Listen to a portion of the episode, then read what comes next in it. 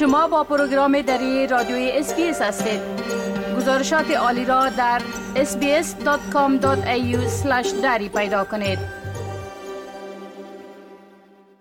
شنونده های عزیز با آغاز سال تعلیمی در استرالیا تدریس مکاتب زبان ها به شمول مکاتب تحت اداره VSL یا Victorian Schools of Languages هم شروع میشه.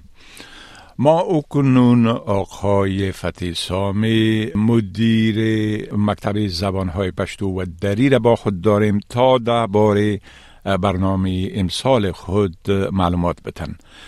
آقای سامی سلام عرض می کنم خب اگر اولتر از همه به صورت عموم درباره تدریس زبان تحت اداره VSL معلومات بتین و بگوین که چی برنامه برای امسال دارین. سلام به شما شنونده های محترم. خدمت در شد که مرکز آموزش های خارجی ویکتوریا یک نهاد دولتی است و تعداد 50 زبان در 40 مرکز در ایالت ویکتوریا تدریس می‌کنند هدف آن آموزش تکنیک زبان مادری است که سطح مهارت های شاگردان در خواندن و نوشتن و صحبت کردن ارتقا میده آموزش زبان مادری جوانان را کمک می‌کنه تا از فرهنگ و هویت و تاریخ خود بیگانه نشن به خاطر ذکر آموزش زبان مادری موثرترین وسیله پیوند تامین ارتباط با ارزش های فرنگی گذشته است و در این مرکز مرکز زبان های خارجی ویکتوریا فارسی و دری و پشتو از جم... از 26 سال به این طرف با کمک و همکاری استادان مسلکی و تجربه سابق دانشگاه کابل و مکاتب عالی افغانستان تدریس میشه و تا کنون بیشتر از 4173 شاگرد دختر و پسر از صنف 12 به سوی بی سی فارغ شده فارسی دری در صنف 12 به نام تنها فارسی ثبت است. در صنف 11 و 12 به حیث مضمون رسمی در جمله سایر مضامین مورد علاقه شاگردان شامل است و دانش آموزهای مهاجر از افغانستان و ایران دری به عوض زبان خارجی مثل اندونزیای چینایی و غیره فارسی را انتخاب می‌کنن و در شمولیت به دانشگاه تیپ کالج و مؤسسات تحصیلات عالی ده نمره به مجموعه نمرات شاگرده افزود میشن علاوه بر آن زمینه استخدام و کاریابی کسان را که به دو زبان مهارت داشته باشند بیشتر می‌سازند فرصت خوبی است برای شاگردان با تا با گویای سایر زبان ها هم آشنا شد در این مرکز یک پروژه همکاری هم پذیری احترام و هماهنگی میان شاگردان زبان ها و باورهای گوناگون مساعد ساخته شده و به داشتن نامه مرکز آموزش زبانهای خارجی زمینه امتحان و کاریابی در اشتهای خدمات ترجمانی آسان میشه و با داشتن نامه برشان اجازه داده میشه که در امتحان ترجمانی ناتی هم شامل شد دیگه یکی از خوبی ها همی است بنابران ما برنامه های هر سال داریم که در هر شش ماه برنامه های اعلان میشه و ما کوشش می‌کنیم که از روش ها و تکنیک های نو که در تدریس و سر زبان ها معمول میشه ما از او استفاده بکنیم. بله خب گفتین که این مکتب در جنوب شرق ملبورن موقعیت داره. آیا این یگانه مکتب است در ویکتوریا یا مکاتب دیگه هم است؟ و همچنان اگر بگوین که در ایالات دیگه استرالیا هم مکاتب مشابه وجود داره که به سویه های مختلف مردم به زبان های غیر از انگلیسی تدریس کنند.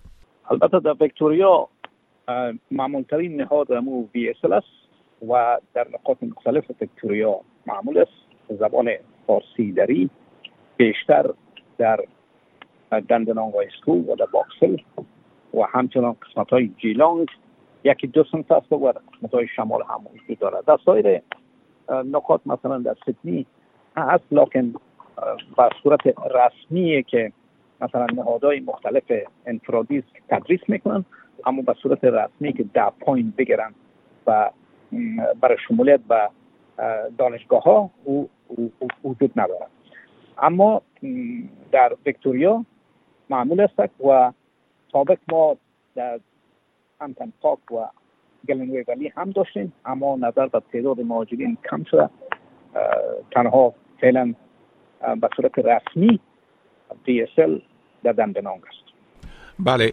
خب می‌تونین بگوین لطفا که شاگردها به چی سویه تعلیم می‌بینن به زبان و چی کسی واجد شرایط شمولیت در این مکتب هستند کسانی که شاگرد رسمی باشند از سن شش تا 18 سالگی و اگر سنشون بالاتر میشه شامل طب کالج می باشن باز اونها هم می‌تونن بین زبان فارسی را از سنف 11 و 12 را در می مرکز بخونن.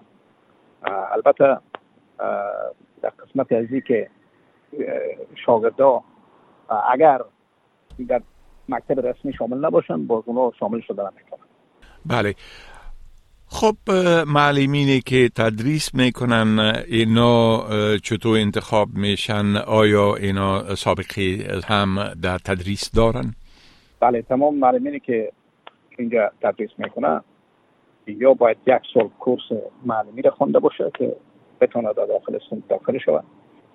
و دوم دیگه اگر معلم می باشه یا استاد پانتون دانشگاه کابل است به اون صورت هم می‌تونن که اسناد خود ارائه بکنن و باز برشان اجازه داده میشه که دست بدن منتها فرما و چیزهای خاصی هست که او را باید تثبیت شود که استادی و معلمی کردن بله. و بعد از او باید یک کورس هم کوتاه مدت بگیرم که روش های تدریس در استرالیا بلد شوند و تمام استادایی که در اینجا درس داده میشه درس میتن همیشه قبلا عرض کردم که یا استاد پانتون کابل و یا ایست که از مکاتب عالی داخل نقاط مختلف افغانستان بله خب آله اگر لطفا بگوین آقای سامی که شاگردا چطور می‌تونن به این مکتب ثبت نام کنن و وقت تدریس کدام روزها و به چی ساعتی است؟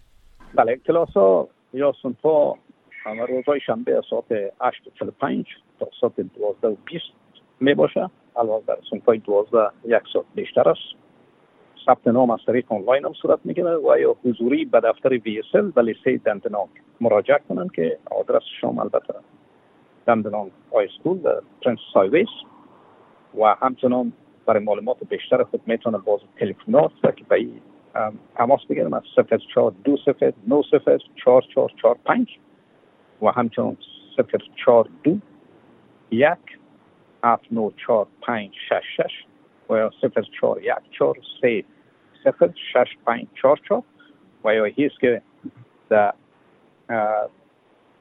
help at vsl.vic.edu.au مراجعه بکنم و در اینجا می‌تونن که معلومات لازمه به دست بیارن. بله خب بسیار تشکر آقای سامی از این معلوماتتان و فعلا شما را به خدا می سپارم و روز خوش برتان آرزو می کنم. همچنان شما تشکر. خدا حافظ. بپسندید شریک سازید و نظر دهید. اسپیس دری را در فیسبوک تعقیب کنید.